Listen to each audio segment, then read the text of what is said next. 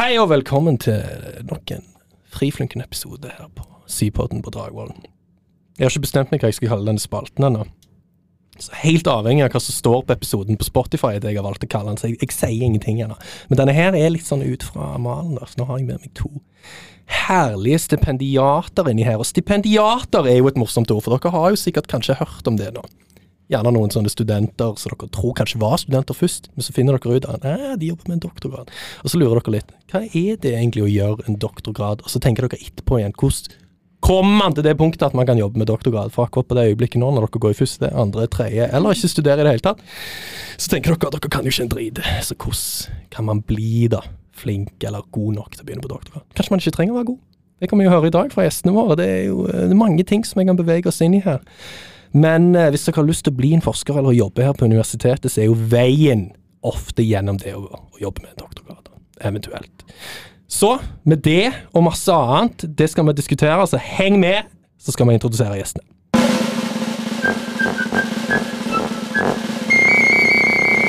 Yes, da kan vi begynne med å introdusere noen gjester her. Så jeg har, altså i, i dag er en stor dag, for i dag har vi internasjonalisert podden.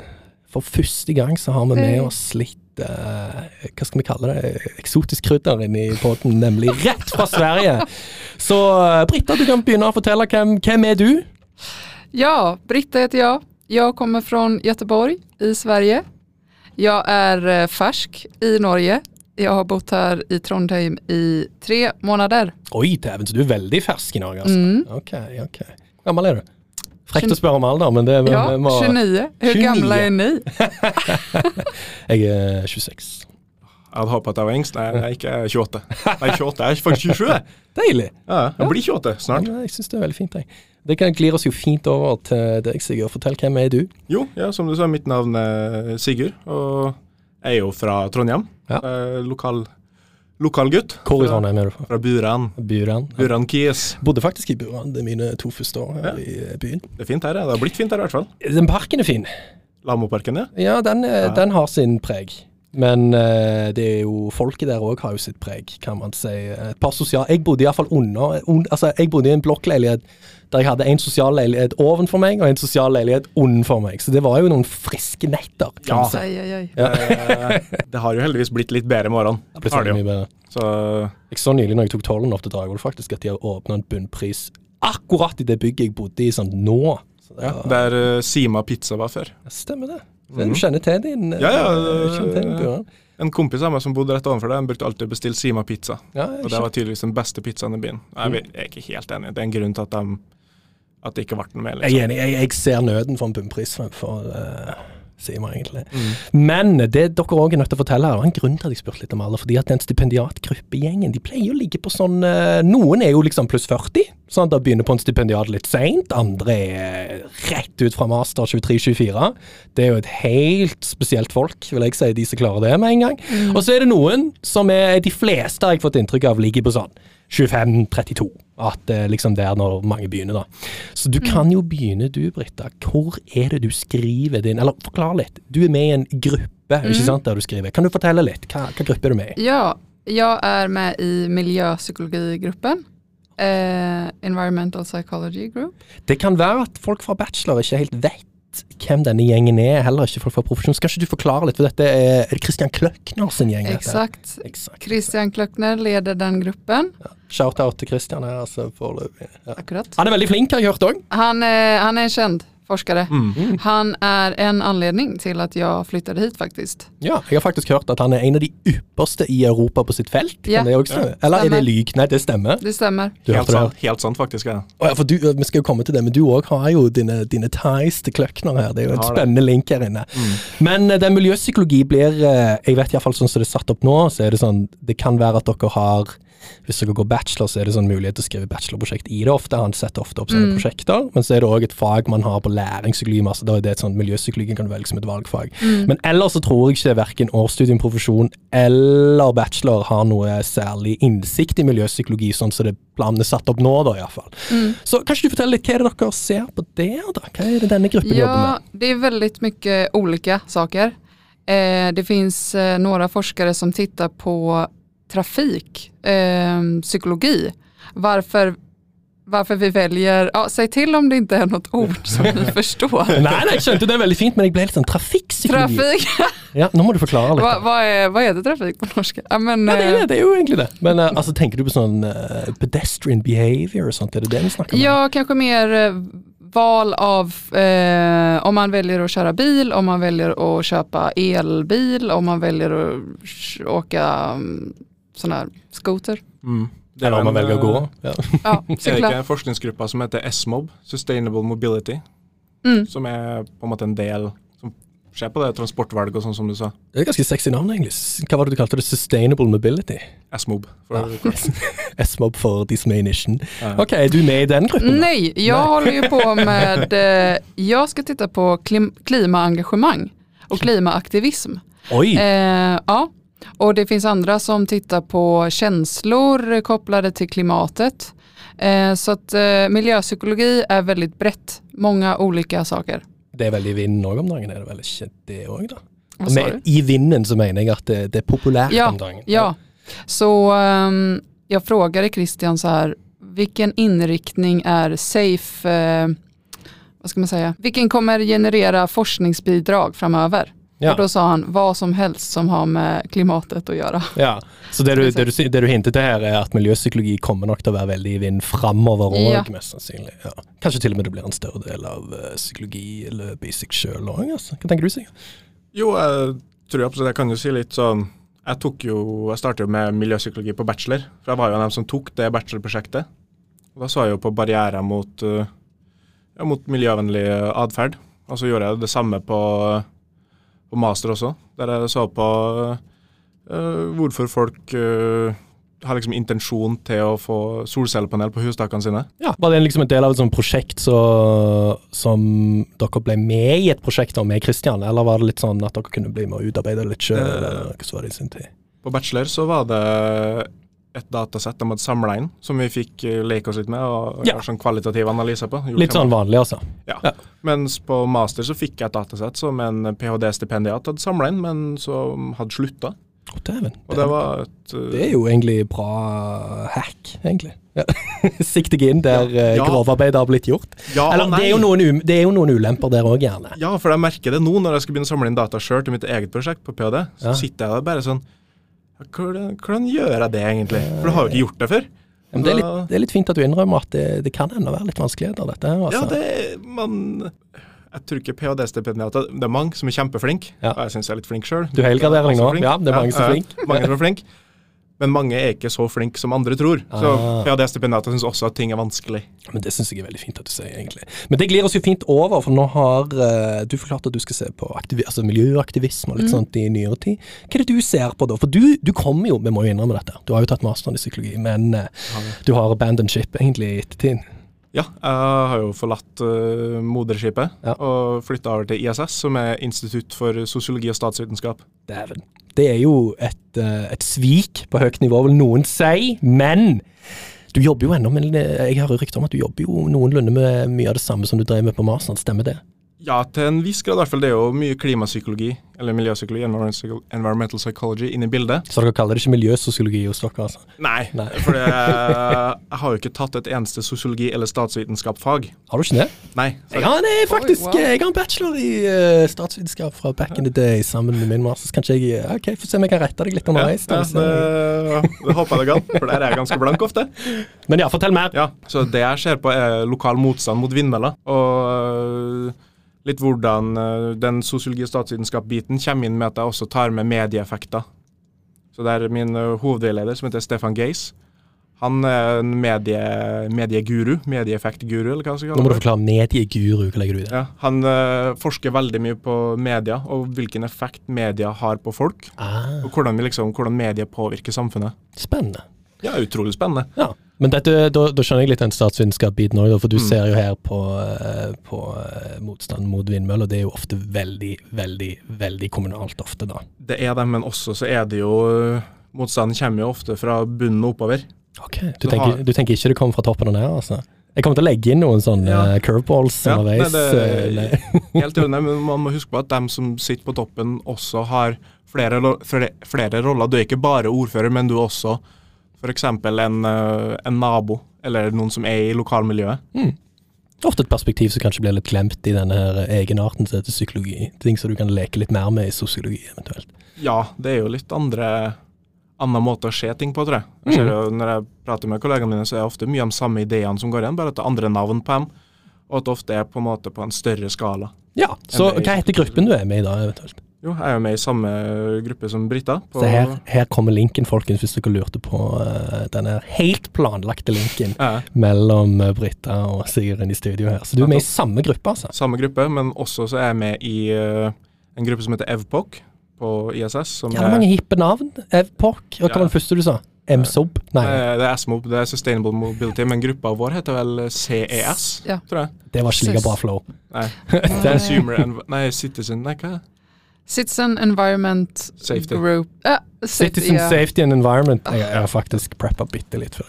det. Det er bra. Det hadde kunnet være bedre, faktisk. Og så er jeg også med i eh, en annen gruppe som heter Team Society. Ok. Og vi har, jeg kan gi en liten shout-out til dem, vi har ofte mye bra eh, webinar og sånt. ok.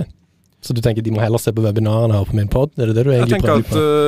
at du kan høre på podden også etterpå. På kveldstid så kan du sjekke ut et webinar eller noe sånt der.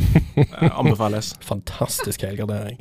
Så dette her høres jo kanskje litt vanskelig ut sånn med en gang. Så det jeg tenker, altså sånn, for nå, nå har vi jo egentlig hoppet rett på hva dere driver med sånn nå til dags, da. Litt sånn på detaljnivå. Det er ikke sikkert at eh, mine kjære Jeg pleier å si seere faktisk bommer litt på det, men det er lytterne er egentlig helt med på det foreløpig, da. Så det kan jo hende at det er mye førsteklassestudenter som nettopp har begynt, eller andreklassestudenter som er litt sånn helt ferske studenter.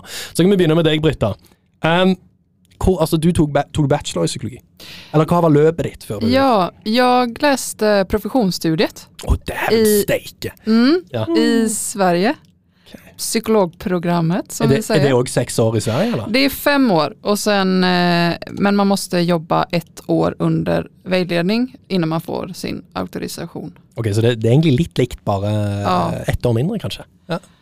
Eller Ja. åpenbart, siden jeg sa fem og seks år. Men at, men at, eh, men at opplegget noenlunde har noen likheter da mellom Sverige og, og Ja. Norge. Ok.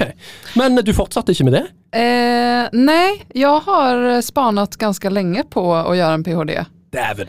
Eh, så eh, ja, när jag, ha- när jag hade fått min, eh, mitt, min legitimation, då, min auktorisation, så Å oh ja, for du har det òg? ja, Å, dæven. Helgradering på et skyhøyt nivå, faktisk. Det Hva? Hva sa du? Helgradering. Altså, Helgradering, ja. ja, ja, ja. det er faktisk eh, veldig skjønt å ha det i ryggen. Ja. Men eh, sen jobbet jeg som forskningsassistent i Sverige. Ja, på universitetet der du var i Göteborg. Ja, Mm. ett halvår och då sökte jag eh, olika PhD-tjänster i Sverige och Norge. Okay. Och så fick jag den jag ville ha mest av alla. Og det var her i, Ja. i Trondheim. Mm. Fantastisk. da. Var det, for det, det slår meg jo litt over, så du, du tok egentlig et helt vanlig løp, da. Mm. Eh, var planen tidlig at du hadde lyst til å, å ta ph.d., eller var det noe du innså underveis at du hadde lyst til å drive med? Eh, det insåg jeg nok noen år inn på psykologprogrammet. da. Ja. For jeg trivdes veldig bra eh, på universitetet. Jeg likte å lese og skrive og tenke og diskutere ideer. Du likte å Eh, jobbe på den måten, sånn som du gjorde på studiet, da? Ja. eksakt. Mm. Og så tenkte jeg, men det er bra och jeg, lik, jag gillar det kliniske arbeidet som psykolog också. Så jeg ville teste båda veier, helt enkelt. Ja, men det er egentlig ikke sånn eh, Ikke så dumt, det. altså Jeg ser på Sigurd, det, det, det kunne ikke meg og deg, ja. Nei, Nei, det, det får jo ikke vi lov til å gjøre her i Norge. Nei jeg får ikke lov, faktisk, heller, egentlig. vel Men merke. en ting som er litt morsomt, er jo at uh, forrige regjeringa har fjerna den beskyttelsen som psykologtittelen har. Hvis du kaller deg for uh, klimapsykolog eller miljøpsykolog, noe sånt, så kan du faktisk kalle deg for det. Ja, det, det stemmer, er helt, det. Det er helt lov. Du kan kalle deg arkitektpsykolog òg. Mm. Organisasjonspsykolog. Og eh, noen prøvde seg på kulturpsykolog, men den, den, den er litt seig, syns jeg. Ja. Det som er, Hva er du da? Kulturpsykolog? Ja, nei, det, det er ikke godt. Shout-out til alle kulturpsykologer som hører på her. Jeg, jeg trenger bare å høre, få forklart litt. Hva er det, hva er? Hundpsykolog, det skulle jeg vilja være. Oh, Hundepsykolog? Ja. Ja, det, det høres egentlig ganske nice ut. egentlig. Det kunne jeg òg vært med på. et, uh, et tips, eller noe, noe som jeg gjorde i hvert fall, når jeg var på Tinder. Mm. Så Fra en ting til en annen. Ja. Ja, jeg, absolutt fra en ting til en annen. Jeg er fælt å hoppe. Ja. Så satt jeg jo klimasykolog i bioen min, Og det var mange som spurte om det, og det er en bra måte å innlede en samtale på. Men det, det er i tida. Ja, ja, det er det. Ja. Det Du, du bekrefter, han bekrefter for meg med Ninka at det funka veldig bra, sier han her, faktisk. Den, er- den er solid. Men du, nå kan vi jo gli over til deg, da. Så Britta tok eh, vanlig løp, eller profesjonsløp, så bestemte seg litt sånn underveis. Så nå kan du fortelle. Du tok bachelor og master her på NTNU. Ja. Ja. Og som jeg nevnte litt tidligere, så handla både bacheloren og masteren min handler om klimapsykologi. Mhm. Når bestemte du deg for at vet du hva, ph.d. skal jeg prøve meg på? Eh, Det var i masterløpet, var det. Ok, Så du bestemte deg ikke like tidlig som vår kjære svenske venn her, egentlig? Nei, jeg fant ut at jeg ville prøve meg på det ja, når jeg begynte med masteren, for det er jo en helårs, en 60-poengsmaster på læring. Det er vel fremdeles òg. Men jeg, så det var, det var veldig artig, egentlig. Selv om det var mye stress og mye slit, så var det også veldig morsomt Mhm. givende. Så tenkte jeg ok, jeg prøver meg på det, så jeg bestemte meg for å ta, gi meg selv ett år på å søke på ph.d., fokusert fullt på det. Mm. Så da var jeg så godt som arbeidsledig mens jeg skrev eh, artikkel og søkte på ph.d.-stillinger rundt om i landet. Ja, men det er fint, for nå nevner du litt dette med prosessen, for det er jo òg en ting. altså. For det er jo um, du, du skrev ferdig master først, Mhm. og så det du sier nå med artikkelsregning, så med at du kanskje mener at du, du, du gjorde den masteren Ja, om til, ja. til en artikkel. Det er det mange Mm. som gjør, hvis dere lurer på det. Hvis du har en kjempekul master, så kommer sikkert veilederne deres i den tid si du, dette her må vi jo prøve å publisere. For da får de sitt navn bakpå, vet du. Det er en liten sånn gratisartikkel for dyring. Men eh, det er jo veldig kult for, eh, for deg sjøl òg å få det. Altså, det klarte du. Ja, Ja, det og fikk Og rett etter det, da søkte du i samme, i, i samme slengen det året etter du var ferdig med master. da Var det sånn du gjorde det? Ja, så sommeren jeg var ferdig med master, så begynte jeg å søke i august eller noe sånt der. Søkte på en del mastere og litt andre jobber. Og på en del jobbintervju, og så Tida gikk og gikk, jeg fikk jo ikke noe jobb. Fikk ikke den jobben jeg ville ha, i hvert fall. Det er ikke for å si at det er masse jobbmuligheter. Det er- Man, man må bare branche ut litt, tenker Det er noe med det, det er absolutt masse jobber for. Alle dem jeg studerte med, Mm. fikk seg jobb. Ja. Så det er ikke noe Det er håp. Ja, det er, det er absolutt håp. og De fikk seg jobb utafor akademia òg. Ja. Men du ville fortsette innenfor, så du tenkte etter hvert vet du hva, jeg skal prøve meg Ja. å søke på noen. Ja. Så hvordan, nå, fortelle, nå kan du fortelle litt. Hvordan er det det funker? Ser du at det kommer en, altså sånn, kom det en stillingsutlysning, eller hvordan var den prosessen da du begynte å søke på ph.d.? Ja, det kommer jo en uh, stillingsutlysning på Jobb-Norge, f.eks. Okay. Eller på Finn. Helt, På Finn, faktisk. Ja, helt vanlig Uh, Det er sikkert samme til deg, og det kommer jo på helt vanlige plassene der Du tenker Britta gikk på finn.no i Norge for å se om det var Nei, Kanskje ikke akkurat der, da, men Jeg gikk på eh, Jobb Norge. Ja, Ok, så du gikk på Jobb Norge, faktisk. Så det var litt sannhet i vitsen min allikevel. ja, ja. Men tilbake igjen, fortsett. Du så på Jobb Norge, og der så du ph.d.-utlysning, eller hvordan var det det funka? ja. uh, PhD-utlysning, NTNU, så filtre, Du søker jo en litt sånn psykologi eller et eller annet sånt der. Ja, gjerne noe som er innenfor det du kan, da, Ja, du. ja det, det lønner seg, det. Men også så det er noe med det å søke på jobber som du kanskje ikke tror du er kvalifisert til. Mm. Mm. Det skader aldri å søke på en jobb. Og i verste fall så har du blitt litt bedre til å skrive jobbsøknad. Ja. Altså, å, ja, du tenker at den ekspertisen den glir litt sånn eh, Ja. over i hverandre Ja, etter hvert? da.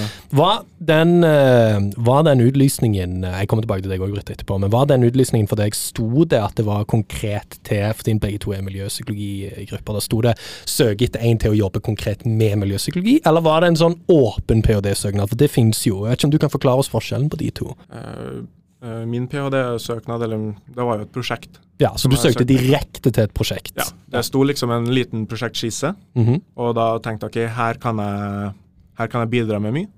Og så sto det også i søketeksten at de ville ha noen som enten hadde sosiologi, statsvitenskap, medie- eller uh, psykologibakgrunn. ja samfunnsvitenskapelig bakgrunn. Ja, rett og slett. ja, egentlig Ja. Fordi at det kommer jo over til et annet viktig punkt, det er jo at når du sitter med en master i et eller annet, si om det er samfunnsvitenskap, så sitter du jo med en forskerutdanning. da, på, vel, altså Det er jo det de ønsker, iallfall når du er ferdig.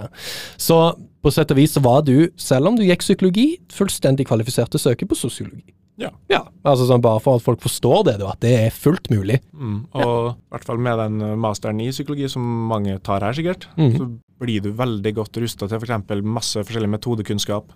Ja, jeg har fått inntrykk av at du er faktisk litt mer rusta enn eh, andre grader, som er, eller mastergrader her i hus, egentlig. Eh, Det, det er sånn det inntrykket jeg har fått, da. Det er Ja. det jeg har hørt. Ja. At det er, det er tror du kan bekrefte det, altså. Ja, jeg tror du kan bekrefte det. Får jeg òg bekrefte det for deg her. Ja, ja, du kan bekrefte for meg. Ja, du får veldig god skolering i både kvant og kval uh, her på psykologimasteren, og du har i tillegg flerfoldige fag, både på bachelor og på masterløp i begge. Og eh, mens noen grader møter du ikke på sånn hard stats før kanskje du begynner på masteren, og da er de i så fall i tillegg ikke så hard som de tror. Da, da er det litt sånn soft. Så du var egentlig veldig godt skulert til å hoppe på en forskerutdanning, sånn egentlig, da. Ja, i hvert fall sånn metodekunnskap Sånn kunnskapsmessig så er det, men det er også en del ting som kommer overraskende. Her kan sikkert du også bekrefte, f.eks. det å skulle være en sånn project manager. Ja, hva legger du i det? Ja, det er jo en som Du skal jo sette opp et helt forskningsprosjekt Mm. Mm. som er Jeg vet ikke hva det er budsjettert til 1,5 million eller noe sånt det der. Det er jo ikke så klart inkludert lønn og alt mulig sånt. Eller er det jo mer enn det, egentlig? Mm. I hvert fall Ja, for nå nevner du økonomi, fordi at det er jo en fullbetalt jobb, dette her, ikke sant? Ja, det er jo det. Ja. Det er jo en uh, åtte til fire-jobb, sier jeg med anførselstegn. Og hvor mange år skal det ta? Tre år, Ja. som er litt for lite tid, syns jeg. Men, uh, Og innenfor de tre årene så er det forventa at du skal ha hvor mange artikler? ja, det var det. Ja. Det er eder strides til lærdom. Ja, Jeg skal ha fire. Ja. Du kan snakke litt om hvor mye du skal ha. Tre. Tre stykker. Ok. For det òg er jo en viktig ting å få med seg, at når man, har, når man får en sånn eh, ph.d.-stilling, så er det jo Hva slags tittel er det dere sitter med etterpå? Det er vel eh, PhD. Ja, ph.d. Så det er jo egentlig en doktorgrad, da, Ja. vel, vel og vis. Og for å kvalifisere til en sånn doktorgrad, så trenger man Avhengig av hva den stillingsutlysningen som dere, eller prosjektet dere er med på sier, men det er ofte mellom tre og fire artikler. Ikke at det stopper dere fra å lage flere, om dere vil. Jeg kjenner en Nei. italiener som jobber her i huset som eh, produserte tolv artikler til sin uh, ph.d. Jeg vet ikke om det er å anbefale, men uh, Han hadde jobbet mye som forskningsassistent innan, om det er samme ah, jeg, person. jeg tipper det er vår venn Grassini du snakker Ja. med. Ja, ja, ja. Så bare for å ikke stresse opp uh, stakkars studenter der. Han hadde jobbet mange år innan hans PhD. Ja. Så, Ja, han, klarer, han har òg en sånn der magisk evne til å skvise ut én og to og tre artikler av det samme datasettet, mens noen kanskje, noen kanskje holder seg til én. men nå skal vi ikke skremme dere for mye her. Men det er liksom Så på sett og vis er en del av utlysningen at du skal produsere så og så mye innen så og så mange år. Ja, for. Det er jo det på en måte instituttet vil ha. Ja. De vil ha forskning som kan publiseres. Ja, og vi skal ikke si noe om uh, konkret, for det, det gjør man ikke. Man gjør ikke det i Norge. Man spør verken om alder, og man spør verken om lønn og penger direkte ut, men det er fulltidsbetalt. Ja, det kan si at det er greit nok betalt. Jag tycker det är jättebra betalt om man, om man jämför med lönen i Sverige. Ja, ok. Ja, hva er forskjellen der, da? Er det, jeg har hørt at eksempel hvis du skal ta en ph.d. i New Zealand, så får du ingen penger. Altså det, det, er, det var bare ett eksempel jeg visste, men det er ikke alle som er like Nei, det er i Sverige, Norge og Nederlandene som man får lønn som doktorand. I nästan alle andre länder, hva jeg vet, så må man ansøke om projektpengar. Ah, sånn ekstern, eh, ekstern funding. Ja, Ok, Og det må være med i søknaden, da? ja. ja. eh, eller så søker man det under gången. Alltså år två måste man söka mer pengar. Så det är ju absolut eh, mer stress. Mm. Eh, Och det var en av anledningarna till att jag begränsade min, mina sökningar till Sverige och Norge faktiskt. Ja, men Kanskje du forteller litt om, for nå fortalte Sigurd om sin prosess når han søkte, og Mm. så forteller, var det noen likheter, eller hvordan var din prosess? Jeg Jag prenumererade på tjänster på Jobb Norge Mhm. och så dök den här upp och eh, projektbeskrivningen lät eh, perfekt för mig. Mm. Eh, jag sökte, satt i min eh, hytte och skrev Ja. eh, brevet. Vi søkte, da, da, da begynte du å lage en sånn der potensiell prosjektbeskrivelse over ok, jeg tenker at jeg kan gjøre det og det og det i Mm. løpet av disse årene, og få sånn og sånn data, og lage sånn og sånn Eller hvor mange detaljer ville de ha i beskrivelsen? Ganske mye detaljer, Ja. men jeg søkte til et projekt. Så det var ganska mycket redan beskrivet i annonsen. Ja, du Eh, fikk litt gratis fra ja. Du brukte de riktige keywordsene i, i Absolut, i mycket, beskrivelsen. mycket copy-paste.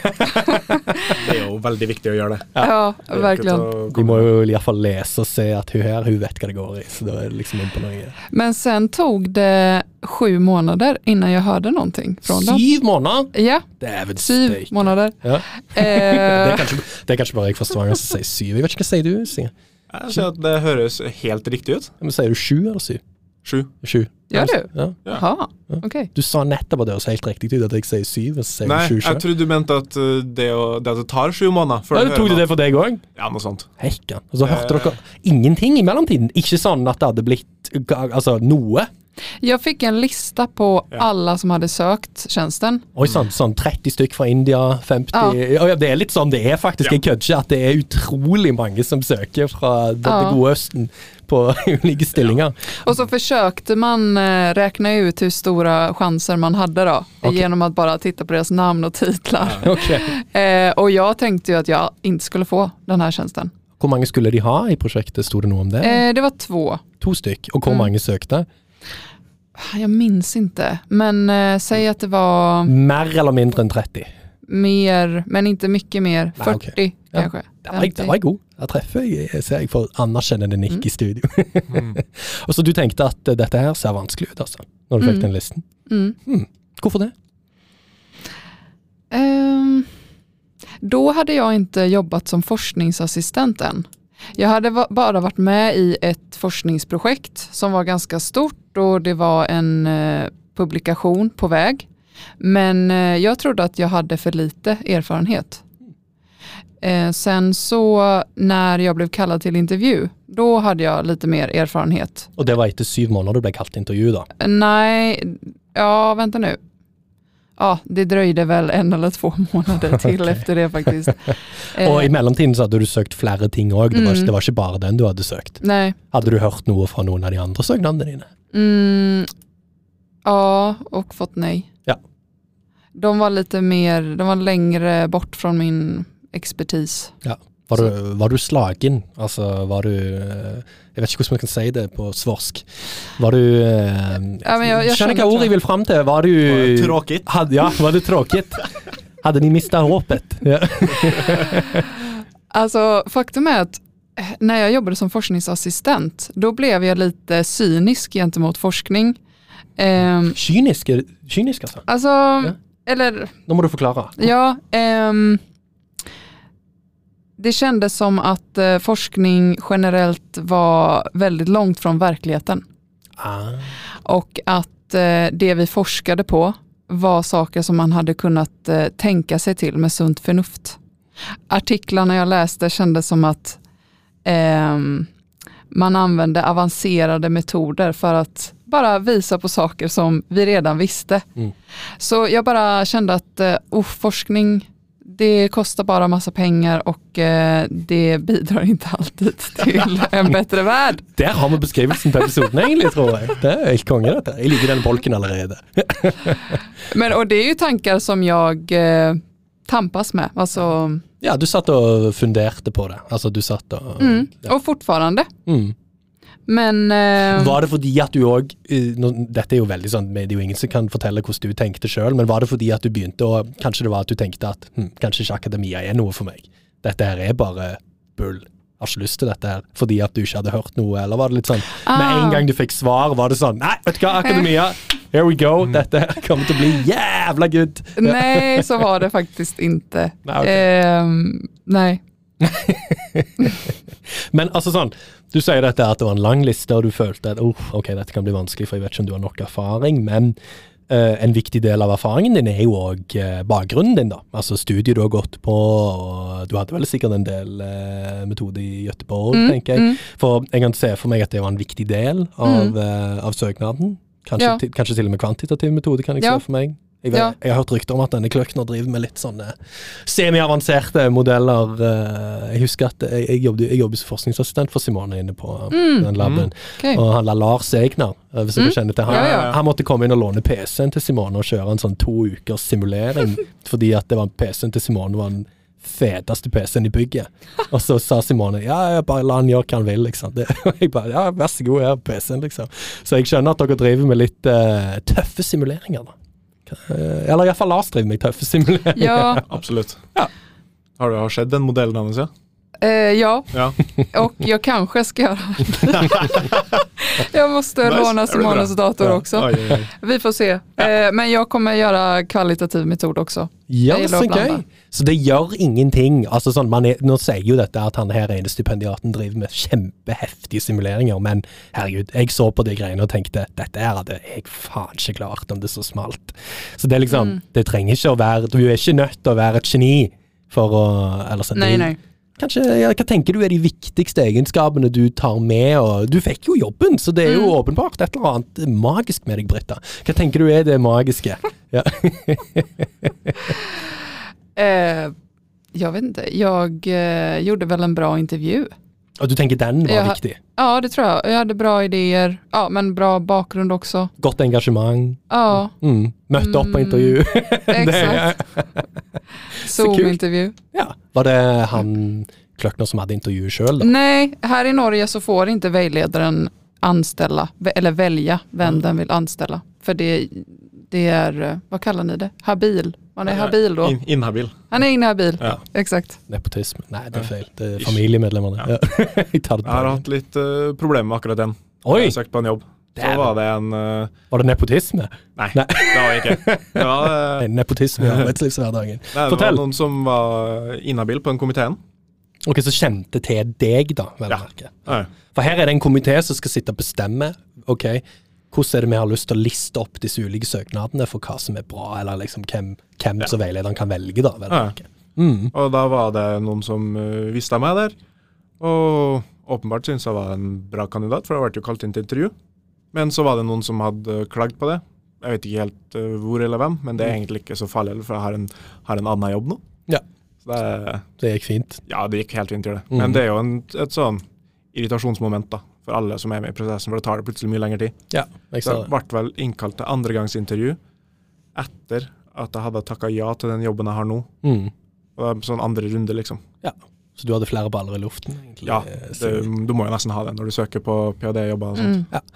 Var, det, var, du, var du veldig åpen på å um, søke på uh, spør jeg deg sikkert, for her på instituttet så vet jeg jo at de Altså det, Psykologi har jo sånne der åpne søknader, f.eks. Uh, hvert år nesten, får jeg inntrykk av. Altså Mm. sånn Der de har sånn uh, to-tre plasser hvert år, der du kan skrive litt sånn da må du ta kontakt med en eller annen veileder en som jobber sånn fra før av, og så må dere lage en skisse, og så sende den inn. Mm. Vurderte du noe sånt, eller var det litt sånn det var dette prosjektet som på en måte gjorde at du hoppet på ph.d.-ballen? Jeg hadde ikke tenkt så mye på sånne åpne prosjekt, for jeg hadde liksom ikke noe Jeg følte ikke at jeg hadde noe som var bra nok til å være et helt eget prosjekt. liksom. Jeg kunne, Hvis jeg hadde sittet meg ned med f.eks. tidligere og diskutert og funnet noe, så jeg er helt sikker på at jeg kunne ha lagd en prosjektskisse som har vært bra nok til å vært grunnlaget for et prosjekt. Ja, Er det viktig, tror du, at, det, at man har en sånn Jeg vet ikke om du hadde det, Britta. Hadde du noen du kjente her i instituttet, eller tatt kontakt med noen veiledere fra før av? Du søkte helt Mm. uten noe, altså. Mm. Allikevel likevel fikk du. Fantastisk. Og jeg tror, altså, mange gjør det på Ja. de här projektställningarna. Søke uten kontakt med veileder, Ja. tenker du? Ja. Mm. Men om man søker en åpen plass, en åpen stilling, så er det smart å ha tatt kontakt først, ja.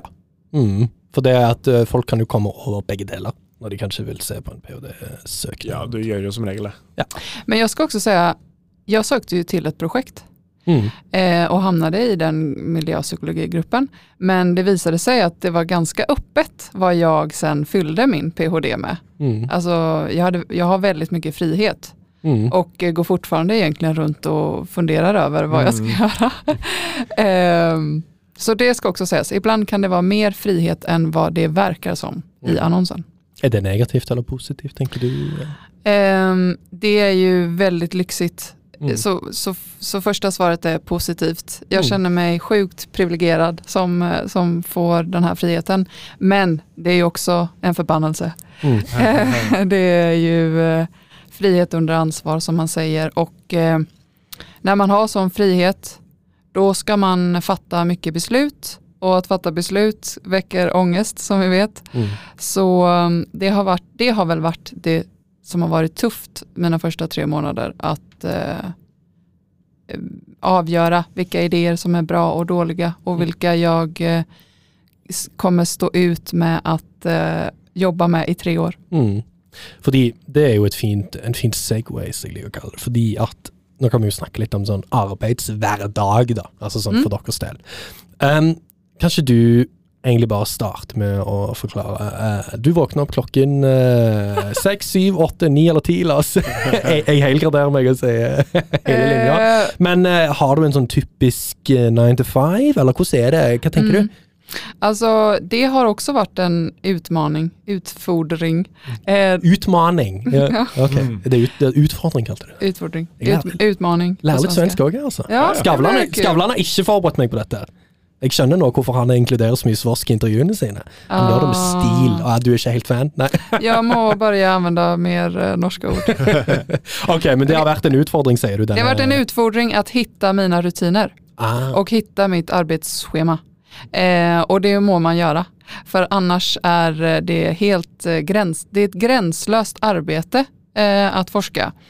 Så eh, Hva legger du i det? Grenseløst? ja, du kan jobba når som helst, hvor som helst. Mm. Og det kan skapa stress.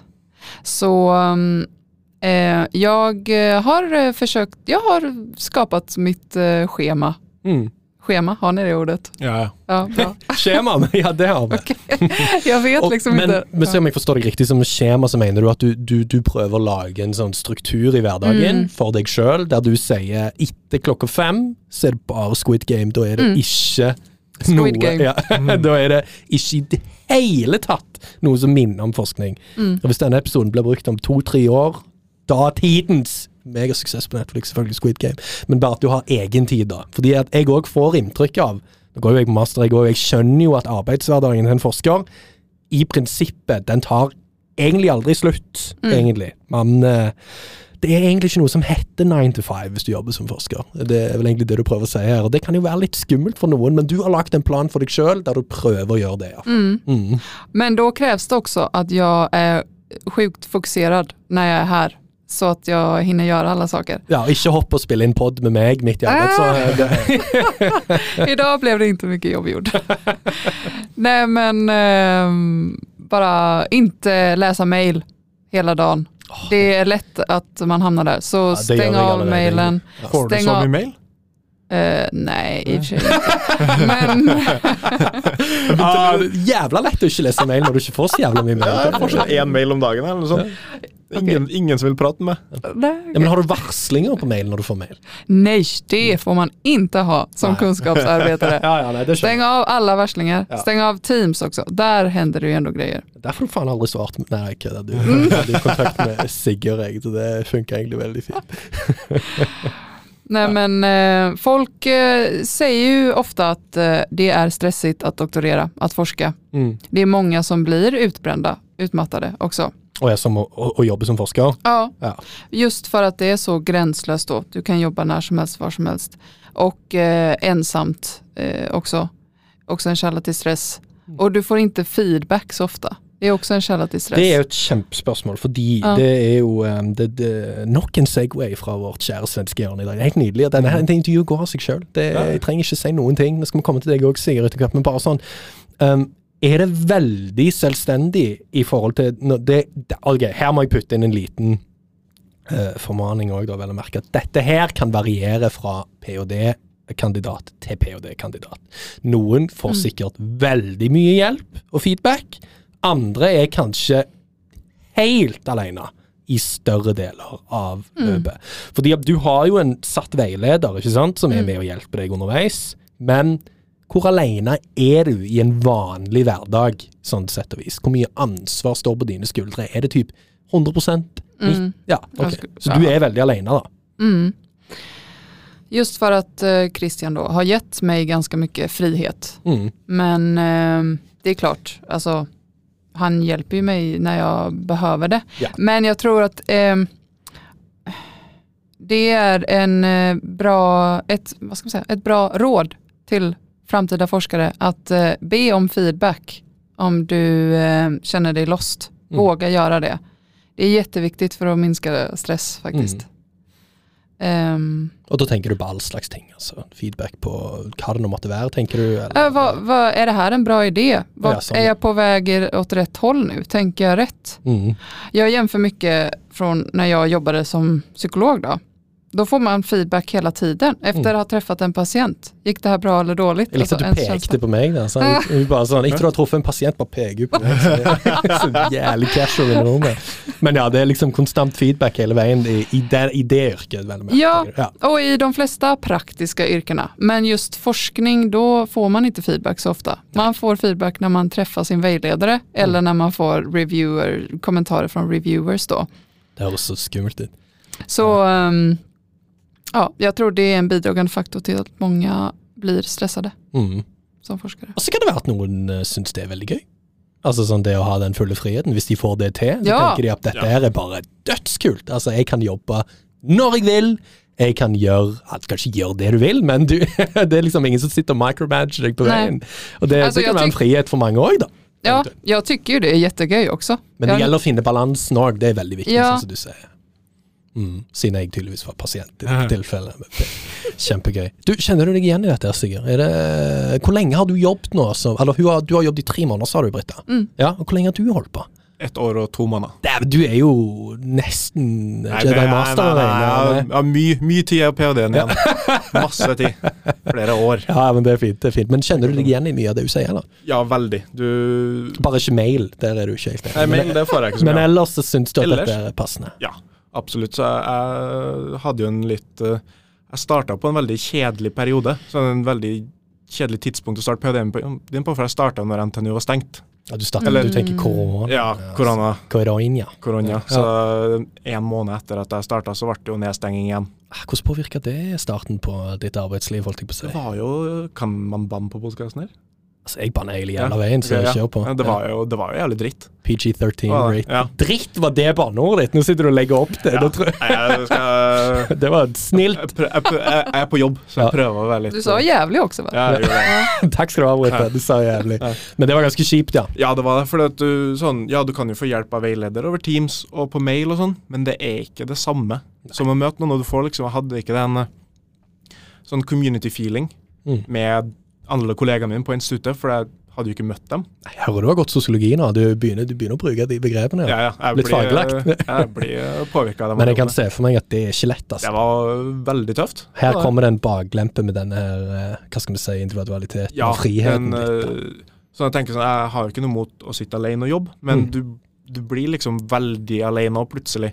Måtte du jobbe mye hjemme nå i starten, eller hadde du kontorplass? Ja. I starten men så fikk jeg dispensasjon til å komme på Dragvoll, for jeg Mm. bor rett, rett nedi her. Altså, jeg kom på Dragvoll hele veien. Jeg. Altså, jeg, Ja. vi, vi fikk lov å sitte i laben. Og vi, da skrev jeg bachelor back ja. in that day. Nice. Jeg skal, nei, jeg skal, jeg skal ikke legge ut noen. Kanskje vi må klippe ut det. Men ok, men Kanskje, yes! kanskje. Eh, Men i hvert fall, jeg fikk eh, Da lå instituttleder til å sitte på kontoret. Ja. Så jeg dro, men det var greit for å få skille mellom jobb og fritid, Mm. men det var jo Og da mener du med at du fikk komme på Dragvoll og sitte på kontoret, og så dra hjem? ja. Er det en teknikk du bruker, Britta? Dette her med kontor og så dra hjem, eller syns du det er kjekkere å jobbe på hytten, som du nevnte? Mm. Nej, jag, jeg, jag eh, vill bara på Dragvoll. Mm. Jeg kan ikke jobbe hemma. Nei, exakt. Jo, lite, men eh, jag försöker att inte göra det. Mm. Men eh, tilbake til dette her med mm, eh, Nå fikk vi jo egentlig aldri vite helt når Britta sto opp, da, så vi får spørre deg da, når denne her vanlige 9-5 arbeidshverdagen eh, Men fortell, hvis du kan begynne du, Sigurd. Ja. Hva gjør du i løpet av en vanlig arbeidsdag som stipendiat? Helt vanlig arbeidsdag. Ikke uka her, for der har jeg rangla litt. Jeg Mm. har blitt litt sent med ukakonserter og sånt. Mm. Men uh, jeg prøver å stå opp mellom åtte og ni en gang. Og så ja, dusje, ordne meg, drar på jobb. Jeg er ikke en sånn frokostperson.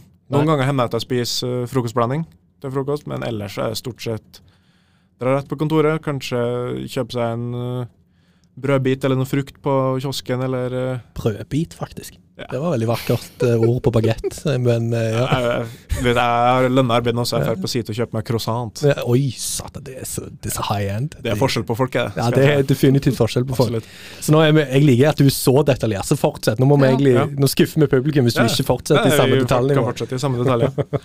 Eh, så kommer jeg på kontoret mitt. Første jeg gjør, er å åpne mailboksen og tar unna det. Ja, En gang om dagen, altså, sier du? Ja. Ja, stort sett, eller litt kontinuerlig kommer an på hvis jeg får en viktig mail. Så Og du sa du fikk én mail om dagen, så det er jo Liten, liten underdrivelse. Én viktig mail om dagen. Ja, ok, Ellers Så du bruker bruker sånn time på å svare på det? cirka, cirka en time å svare på det. Og så scroller gjennom litt NRK-nyheter og sånne ting. For Dette høres ut som en helt vanlig dag for en student òg, egentlig, foreløpig. ja, Ja. det er jo Bare du får jævlig mye fedre betalt for det, egentlig. ja, ja, men det er jo det med scroller gjennom NRK-nyheter er jo fordi at det skjer så mye spennende på vindkraftfronten i siste nå. De Ah. uh, tapte jo i Høyesterett på vindparken på Fosen. Ja, de Er det samer, det? Sørsamer? Eh, ja, hva heter den Sidje? Jeg husker ikke helt hva de heter, men ja, det er reinsamer Ja. som vant i Høyesterett. Jeg ble helt sånn sjokkert. Altså, det, det, det visste jeg ikke, men at det var stammer så, så, så langt sør. Ja, hva, jeg mener at på Sametinget sine sider, tror jeg det var, så står det at 40% av eh, Norges landareal Ja. Norges, land, ja, Norges landareal er å regne som reinbeiteområder. 40 40? Ja, for det er jo nomadisk folk Ja. som har ja, men bare i Norge, eller tenker de Norge, Norge Sverige, Finland, Russland? Norge. Norge 40% Ja. Mm. Det, er, det er mye av det. Meg og Britta er nærmere sjokkert, men vet du hva, det, Ja. det fortjener de. Jeg har vært litt sjokkert, jeg òg, for det, det er i hvert fall masse landområder. Og det er jo Ikke sjokkert negativt, nå må jeg helgardere meg. det, det er overraskende mye, kan man tenke. For man tenker ikke Ja. at det er samer i Trøndelag. Nei, men det er jo det. Ja, det er jo det. Det har jo vært det lenge òg. Ja, jeg beklager hvis jeg fornærmer folk. Det, altså, det, det, jeg var ikke klar over det. det visste jeg ikke. Men eh, de, de, de har bygd Ja, På- de har bygd uh, vindmøller på, på deres uh, tradisjonelle reinbitt er man prøve å holde tunga rett i munnen. Ja, ja, men det, deres, uh, bare sånn kort og forklart, da. Kort og Ja. enkelt. Dette her er, dette er juice for deg. Det er jo midt i din bane. Absolutt. Og Ja. har jo motvind er jo inn på banen og eh, Med motvind, mener du? Motvindorganisasjonen Ja, takk skal du ha. som er, tenker at ok, her skal man gjøre sånn som man gjør hvis du setter opp en garasje ulovlig. Da Mm. må du rive den. Dæven. Så det er jo dem de vil. Uansett, vi kan gå tilbake til dagen min. Ja. Så Jo, men det er jo en del av dagen din, det, da. Ja, forholdsvis. det. Så- Sitte og fundere mellom ja, eh, tenk litt på hva som skjer og sånn. Og så ofte så resten av kollegaene mine bruker å ha lunsj eh, halv tolv, men der kommer jo Du, du vil ha detaljert, da får du detaljert. Jo, men faen, det er så gøy, for da har vi Det eneste vi egentlig har funnet ut, er at du har kjøpt deg brød eller croissant på Sito. Ja, ja. Du har kjøpt deg en jævla nice kaffe, du har scrolla litt på NRK, og så er det gass. Da er det lunsj, folkens. Nei, nei. Det, det, det er nettopp det det ikke.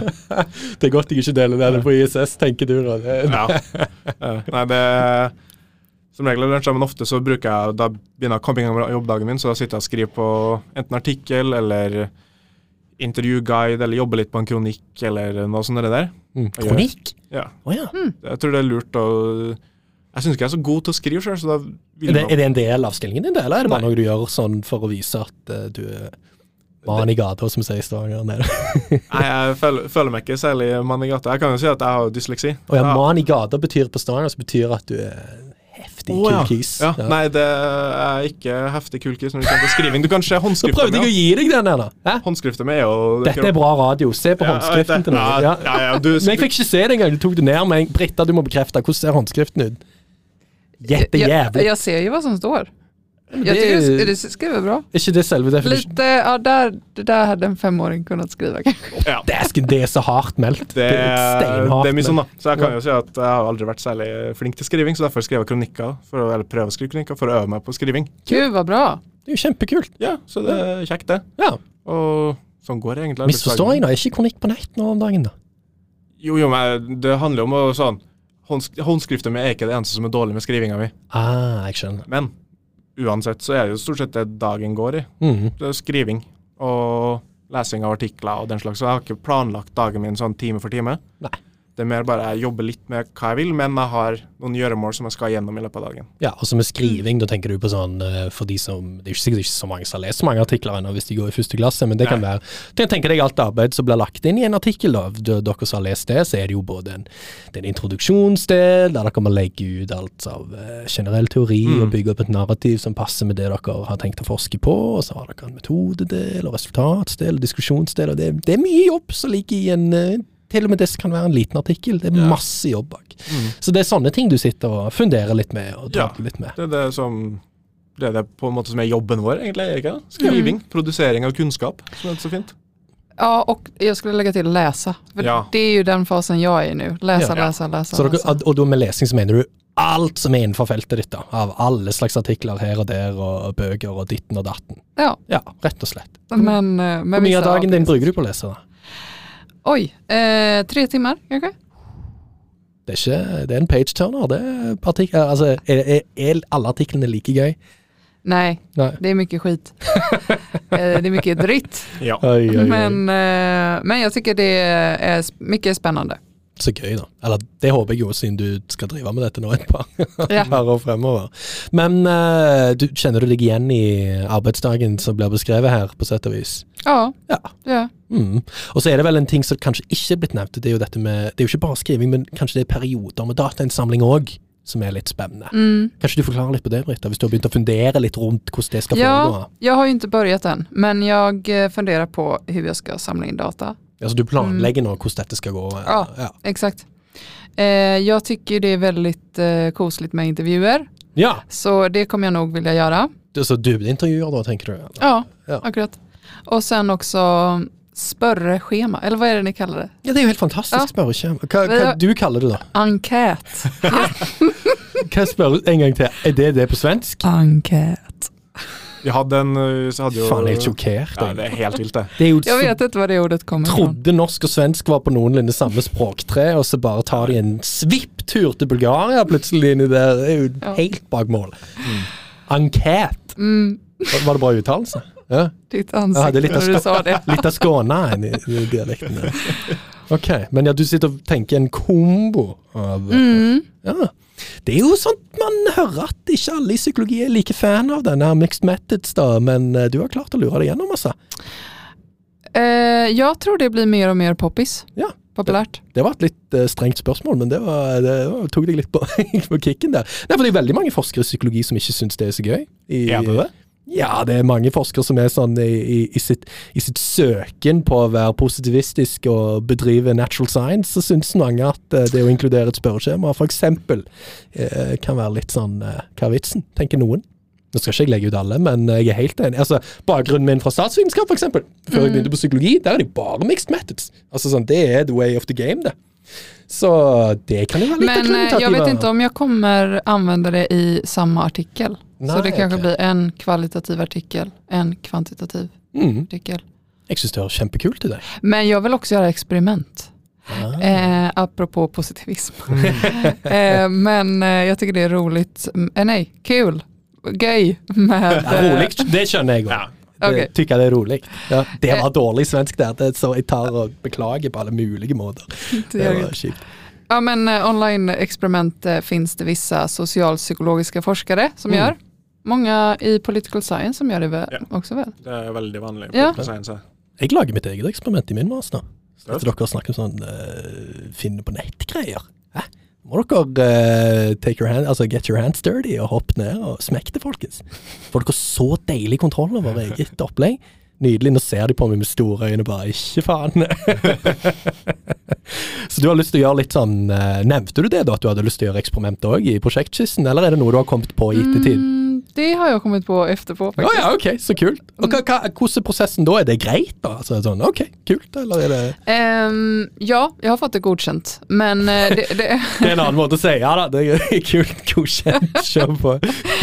men uh, det var jo Altså det er vanskelig å gjøre online-experiment for at uh, man ser ofte ikke så store effektstorleker.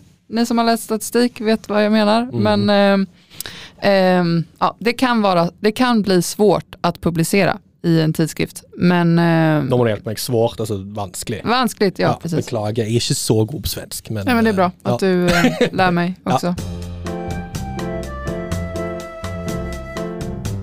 Intenst spennende, det syns jeg. er- Nå er du inne på noe som er litt sånn eh, Hva skal vi si eh, En brodd. En brodd for mange forskere. Har du den samme problem problematikken i ditt eh, felt? Altså sånn, eller hva type data er det du samler inn? Det er vel egentlig bedre å spørre om. Jeg vet ikke om jeg har vært innom det. jeg.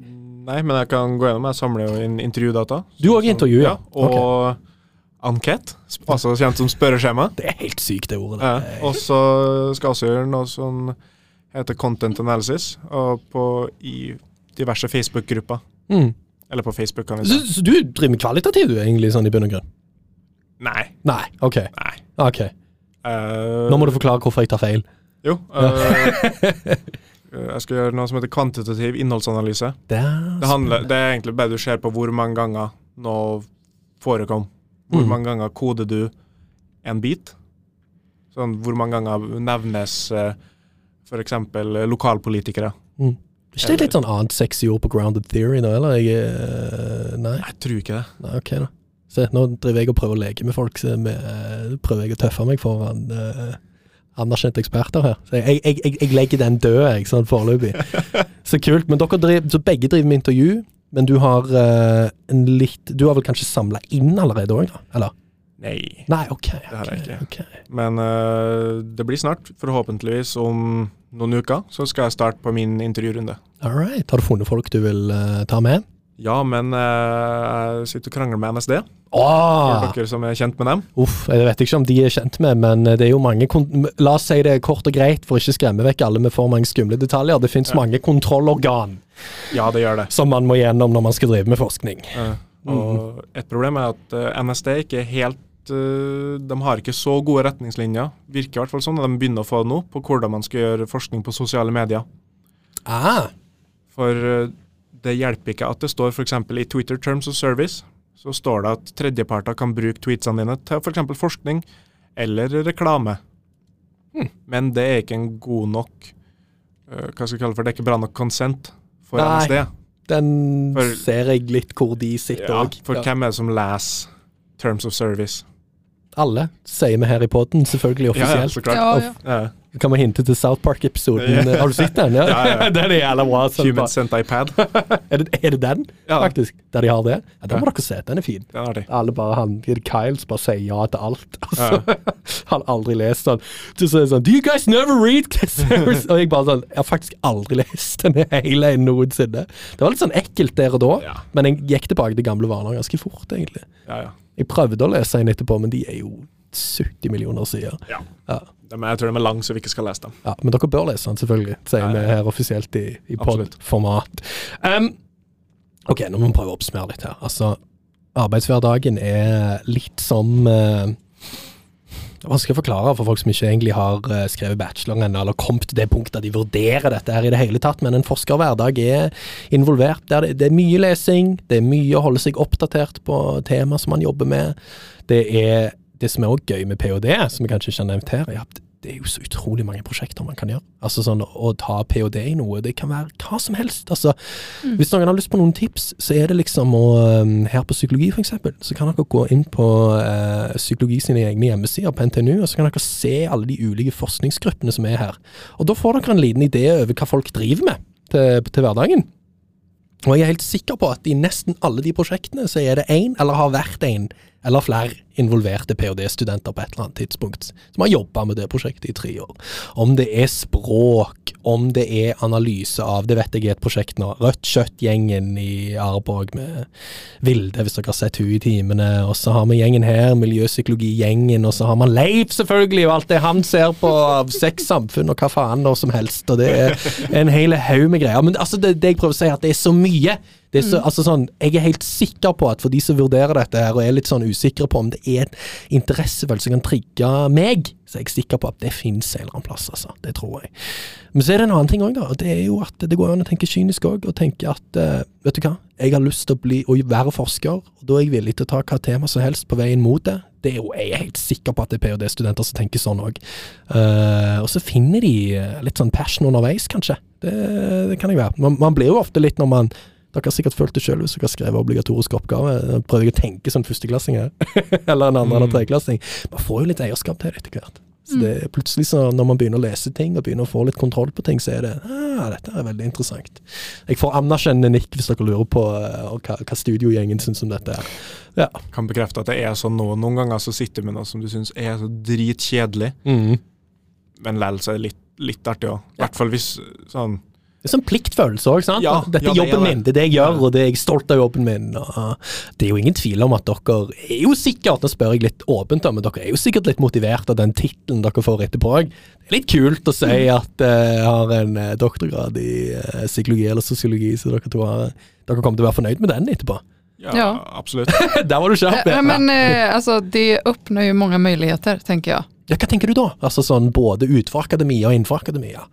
Inte, utanför akademin så kan man säga saker med eh, auktoritet. Alltså, Mm. Du får en viss gravitas. Mm. Exakt. Og du kanskje til og med åpne opp nye jobbmuligheter som kanskje ikke er åpne før. Altså sånn, eh, Det er mange som setter pris på en liten eh, doktor i eh, noe toppnivå ulike plasser. Kan jeg se for meg. Mm. Sikkert. Ja, helt sikkert. Hun er jo ikke så bekymra, for hun har jo denne klinikerbakgrunnen uansett. Ja. Nei, jeg, jeg må ha den doktorgraden. Meg og deg som må tenke i sånne baner, hvis Ja, ja. jeg plutselig vurderer ph.d. i tillegg her. sant? Jeg blir jo familiens sorte får hvis jeg ikke får uh, doktorgradstittel, hvis jeg bare har en så det var noe i denne nepotismen jeg nevnte tidligere, så det er et eller annet det, der. er- det er fælt å være fra akademikerfamilie, da. Det hørtes egentlig veldig gøy ut.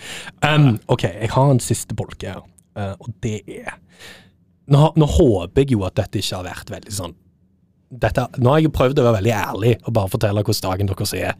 Og så er det dessverre sånn at når man skal være så ærlig med arbeidshverdagen som ph.d., så er det en del detaljer som må med, og disse detaljene er det ikke sikkert alle kjenner til, eller Det er ikke sånn at dere er nødt til å kjenne til det heller. Så jeg har to sånne siste bolker jeg har lyst til å spørre om. Så det første jeg har lyst til å spørre om Følte dere at dere var klar til å hoppe på en ph.d.-utdanning, eller var dere litt sånn eh, Dere skjønner hva jeg mener. Altså, Følte du deg klar, Britta, når du hoppet på det? Du nevnte jo litt tidlig at du var kanskje ikke sikker på om du fikk det pga. litt sånn erfaring, og du tenkte at det Mm. kunne gå imot deg, men helt ærlig, var du klar? jeg kjente, følte, at jeg var klar. Mm. Eh, på grunn av at jeg hadde jobbat som forskningsassistent, mm. tror jeg.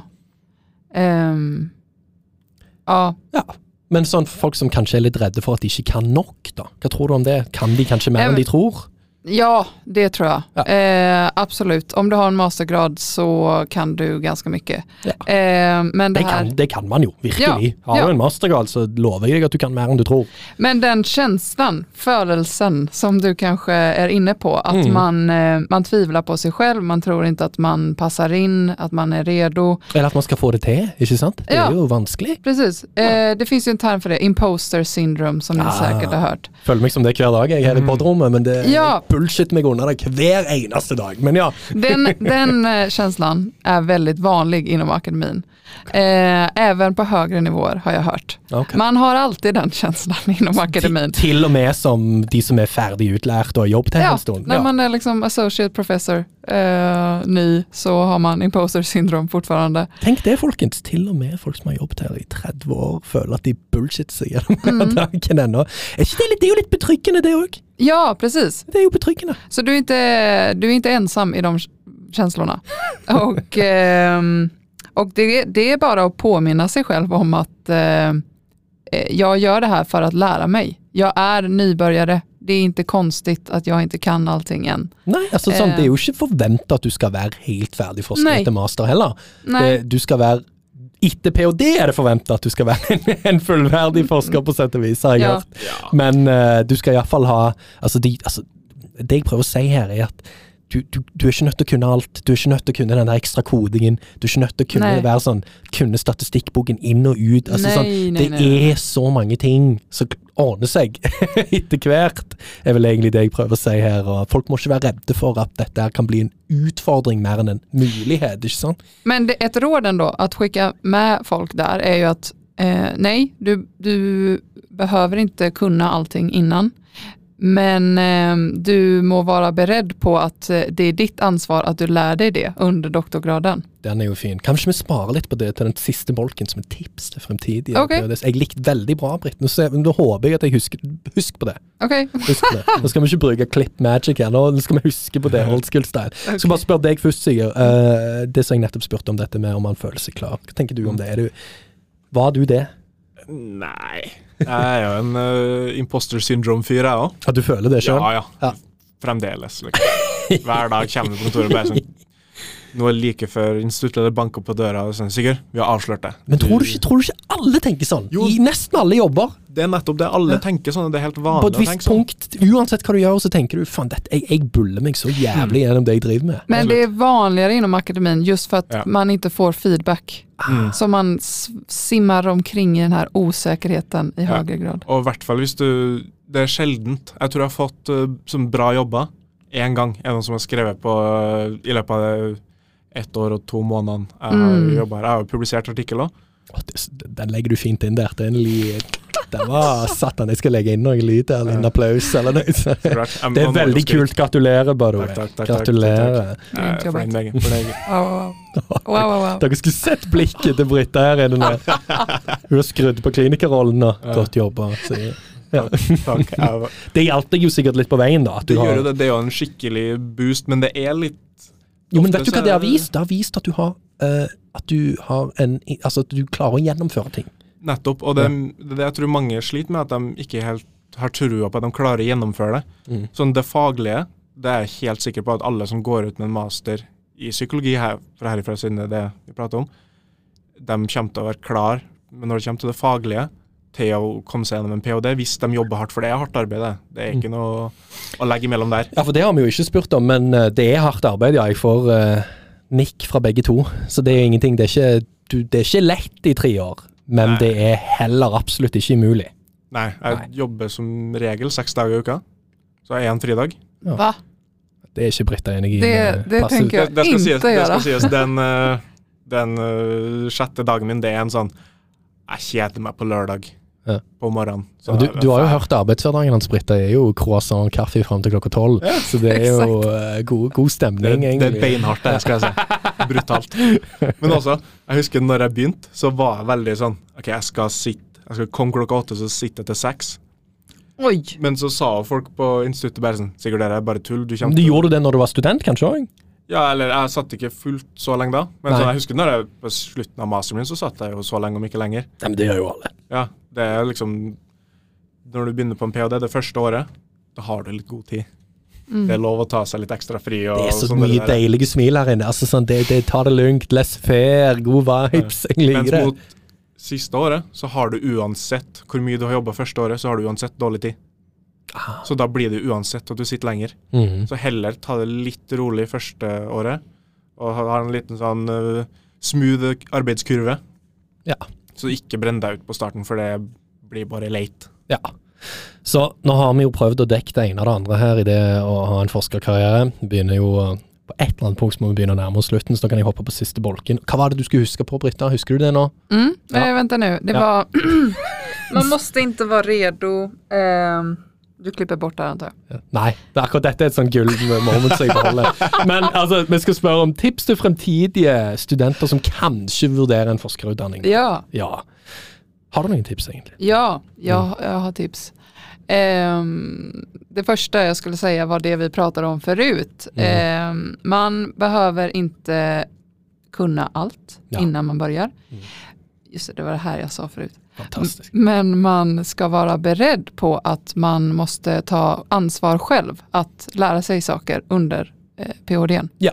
Mm. Hva tenker du da sånn om det er noen, noen eh, vanskelige statistiske modeller, eller om Ja, det er eh, planlegging av eh, eksperimentkjøring, eller å samle inn data og lage spørreskjema. Altså alt slags sånn detaljer som du kanskje ikke kunne fra før av. Må være veldig forberedt på at det kan være noen læringskurver der som du er nødt til å Mm. ta tak i, rett og Mm. slett. Mm. Akkurat. Ja. Ja, det var egentlig veldig passende. Uh, har du flere tips? Uh, ja, men mitt, jag vill också skicka med tipset att se till att ha ett liv utanför PhDn. Mm. Uh, det är lätt att man börjar identifiera sig väldigt mycket med forskningen. Just eftersom det här är ens projekt som man ska hålla på med i tre år. Dette er meg nå, liksom Ja. de neste tre årene. Precis, det är- är vanskligt. För att eh, det är vanskligt när det blir eh, svåra perioder, tuffa perioder, när eh, PhDn känns eh, tråkig och svår. Ja. Då, Um, Jag kan se for meg at det òg skjer.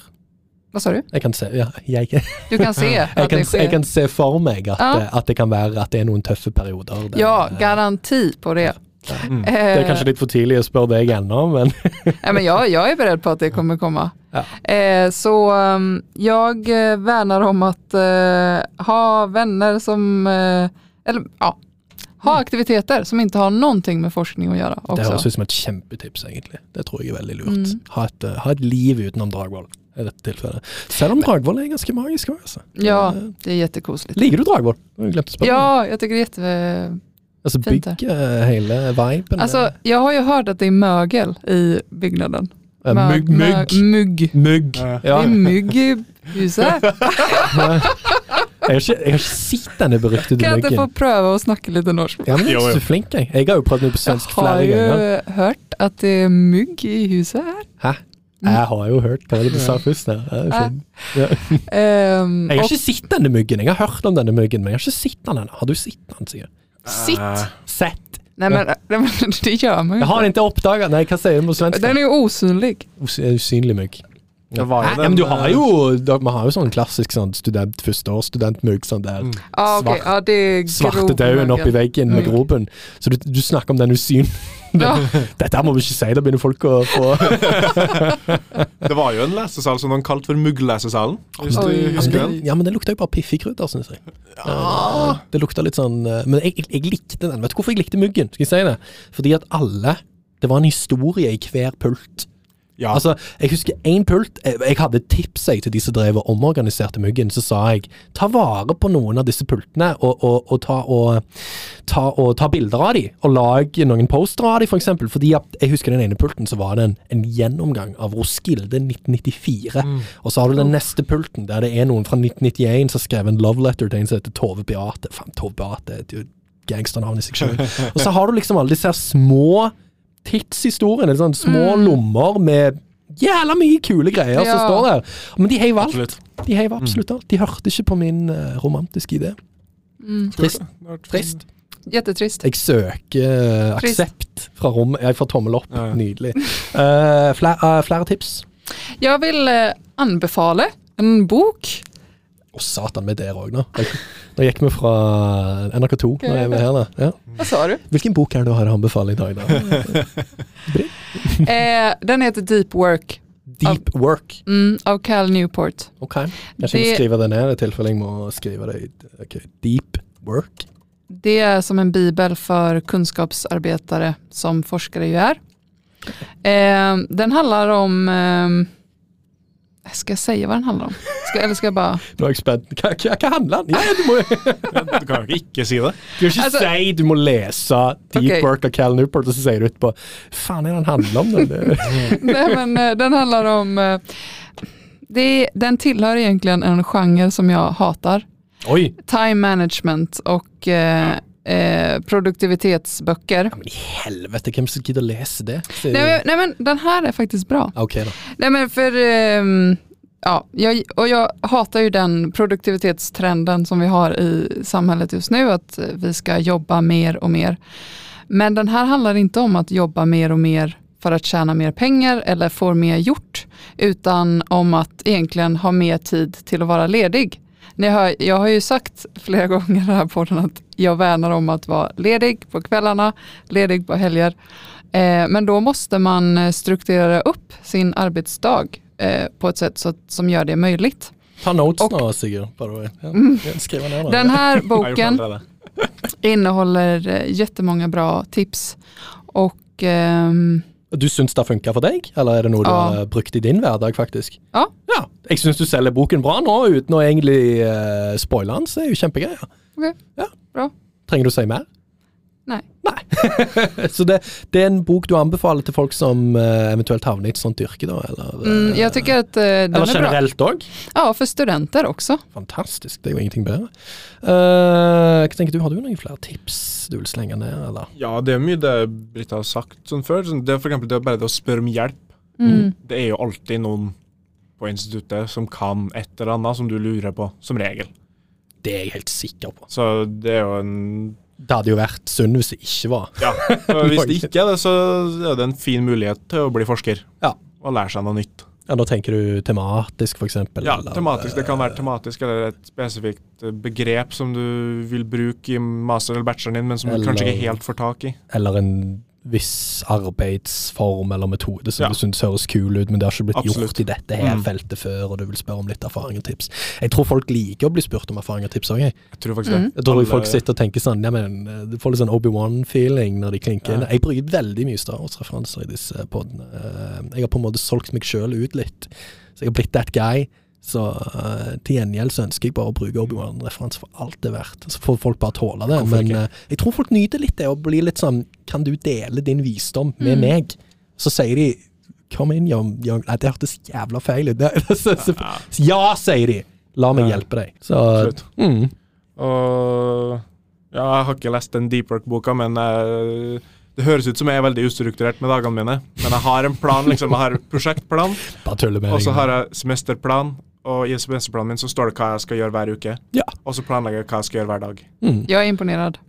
Det er noe jeg har begynt med nylig, for det er jo et surrehue uten like, sånn egentlig. Okay. Men jeg, Jeg tror det er betryggende for folk å høre at det fins muligheter Ja, for å være surrehue surrehove i, i det ene, altså Ja. på slutten av du kan være surrehue og gjøre det dårlig på bachelor og likevel komme inn på ph.d. Det er òg viktig å si, at altså sånn det, det er jo ikke noe du må bestemme deg for nå, om det er noe du har lyst til å gjøre, og bli forsker. Altså, sånn, det, er jo, det, det er jo en ting du må finne ut sjøl og avgjøre sjøl. Ideen med denne poden var bare å gi et lite innblikk i uh, hvordan det er, og heldigvis har jo disse to vært fantastisk åpne og delt det ene og det andre om hverdagen sin. Og det er litt sånn, det høres jo, jeg må jo si det, da, det høres veldig overkommelig ut. Men det føler òg med et visst ansvar, og det er sånn, det må man være litt klar over. Mm. Det er det uansett hva yrke dere hopper inn i, altså. Men det som kanskje er litt ekstra spesielt med det med å være forsker, eh, det er jo dette som du nevner, Britt, med at, altså Britt, altså, at arbeidshverdagen kanskje av og til aldri tar slutt. Og det er jo litt sånn det å være student òg. Arbeidshverdagen har jo egentlig ingen sånn konkret start eller slutt. Og det kan jo kanskje smitte litt over i uh, akademia òg. Absolutt. Ja. Sånn, Jeg gjør jo samme som Britta. Jeg har jo alt Jobb-PC-en min, den er på jobb. Den er aldri med hjem, hvis, Det er smart. så lenge jeg ikke skal reise noen plass dagen etterpå. Ja. Ellers så er jeg på jobb, og Mm. da Det er lurt. For å heller sitte lenger på jobb. Så det jeg eh, Nå har ikke jeg noen gode tips, for jeg er jo ikke ph.d.-kandidat. Kanskje, eh, kanskje jeg vil bli det. Kanskje jeg ønsker etterpå. Har, hvis du hadde vært ph.d.-stipendiat, hvilke tips ville du komme med da? Ja, det er det jeg har og tenkte på da, Om jeg skal komme med noen bulltips helt på Mm. slutten her nå. Jeg eh, er jo av den sorten at uh, ta eh, det, det som bryter seg om i forhold til litt sånn arbeidserfaring og sånn underveis, det er der og, om du går bachelor eller om du går master og, og jobber litt som en sånn der vittas ved siden av. uh, hvis du har muligheten til det, eller jobber med et eller annet som er innenfor instituttet du er i, eller på NTNU, eller hvor det nå måtte være, altså gjør det, da. Gjør det. altså Da, da får du en liten inning. Da er du litt sånn OK, kult. Da får du se litt hvordan ting funker. Uh, det har jo jeg gjort. Gjør ennå. Syns det er veldig gøy for min del. Være med å kjøre eksperimenter, være med å lage eksperimenter. Hvis du er med lenge nok, så syns de at du er fet kis, og så involverer de deg på andre greier, og plutselig får du mer ansvar, og da får du liksom testa litt, da. Og så hvis du finner ut at det virkelig faen ikke er noe for deg, så gjør du den jobben et halvt år eller et år, og så er du OK. Nei, da var kanskje ikke dette noe for meg, da. Så hvis et tips fra meg for folk som virkelig vurderer det etter hvert, det er kanskje å prøve seg på noe sånt, da. Jeg kan også si at du må ikke ha en Vittas-stilling ved instituttet ditt. Nei, ikke det hele Sånn, tatt. jeg hadde jo, når jeg tok masteren min på psykologi, så var jeg Vittas på Kult. Hva er det? Det ligger jo rett over brødet. Institutt for tverrfaglige kulturstudier, også kjent som Kult. Den der eh, broen. Så Ja. går broen over fra bygg 11 til bygg 12. Yes. Det er et lite, de har et lite lokale der. Ja, Visste du at det, psykologi egentlig skulle ha både bygg 11 og bygg 12 i sin tid på 90-tallet? det visste jeg Mm. Nei, nå vet du det. En fun fact, er det det kalles? Ja, definitivt en fun fact. Uh, så det er jo òg betryggende å høre, da, at uh, må ikke. Full mulighet for at uh, Altså sånn Men du må jo selvfølgelig ha en master, da. Det er jo det er liksom det eneste Ja. kriteriet. Og så selvfølgelig du og en ting som vi ikke har snakket om, er at eh, noen har en viss sånn der Du må ha den og den karakteren. Det har vi jo egentlig ikke snakket så mye om her, men du B-krav, Mm. mener jeg. Helst B-krav på mye. Noen har til og med B-krav gjennom hele masteren og på oppgaven. Andre har bare oppgaven. Um, så det er jo selvfølgelig ting dere må være litt forberedt på, da. Men eh, jeg tenker at hvis man t vurderer denne her karrieren, så, så tror jeg man er motivert til å ta det steget når den tid kommer, tror jeg. Um, er det noe mer dere har lyst til å legge til på slutten her? Eh, de får skicka, skicka e-post ifall ni har fler frågor. Mm. Lyssnarna. Ja, absolutt. Å ja, heng en til. Send e-post, er det det du sier? Ja. Send e-post hvis Å, dere det har var snilt! Send e-post hvis dere har no- noen frågor. Det er ikke sikkert du får, det er ikke sikkert du får noen. Nei, Kanskje du får noen? Jeg får i hvert fall ingen. Det Kanskje jeg skal få e-mail altså, Nei, det vil dere ikke. Hvis jeg legger det ut på Spotify, kommer dere til å få jævlig mye nei. just det. Ja. Men de får google hverandre. namn. For de som har tilgang til NTNU sin mail, så kan dere skrive inn uh, Britta. Eller sende mail til meg, og så kan jeg videreføre det òg. Det er òg en mulighet, eventuelt hvis det er noen spørsmål. Ikke vær redd for å spørre. Ja, er, det, er det det jeg får her fra dere to? Ja. Ja. Jeg tror til og med andre ph.d.-stipendiater her på instituttet De hadde sikkert ikke blitt fornærma hvis noen hadde spurt. De hadde kanskje blitt litt mer sånn som jeg sa, denne Obi-Wan-følelsen. Det er litt sånn Selvfølgelig. Hva lurer du på? La Det er, jo, det er jo veldig artig å veilede studenter. Ja. Det er jo gøy. Det er morsomt. Det er givende arbeid. Du, eh, jeg tror jeg har kommet meg gjennom det meste. Så nå vil jeg si tusen takk for at dere var med. Var det gøy? Ja, Britta var sånn jeg kan, jeg, jeg, jeg kan bare mellom tre og fire. Det var sånn helgardering i tilfelle det ble dritkjedelig. Nå har vi klart å lure ut og sitte litt lenger, så jeg tror at dette har vært en sånn noenlunde suksess. ja. Supergøy. Så bra. Dere har vært kjempeflinke. Uh, nå håper jeg at dette ikke har vært for forvirrende for dere hører på i heimen, i bilen, på båten eller på vei til Dragvoll.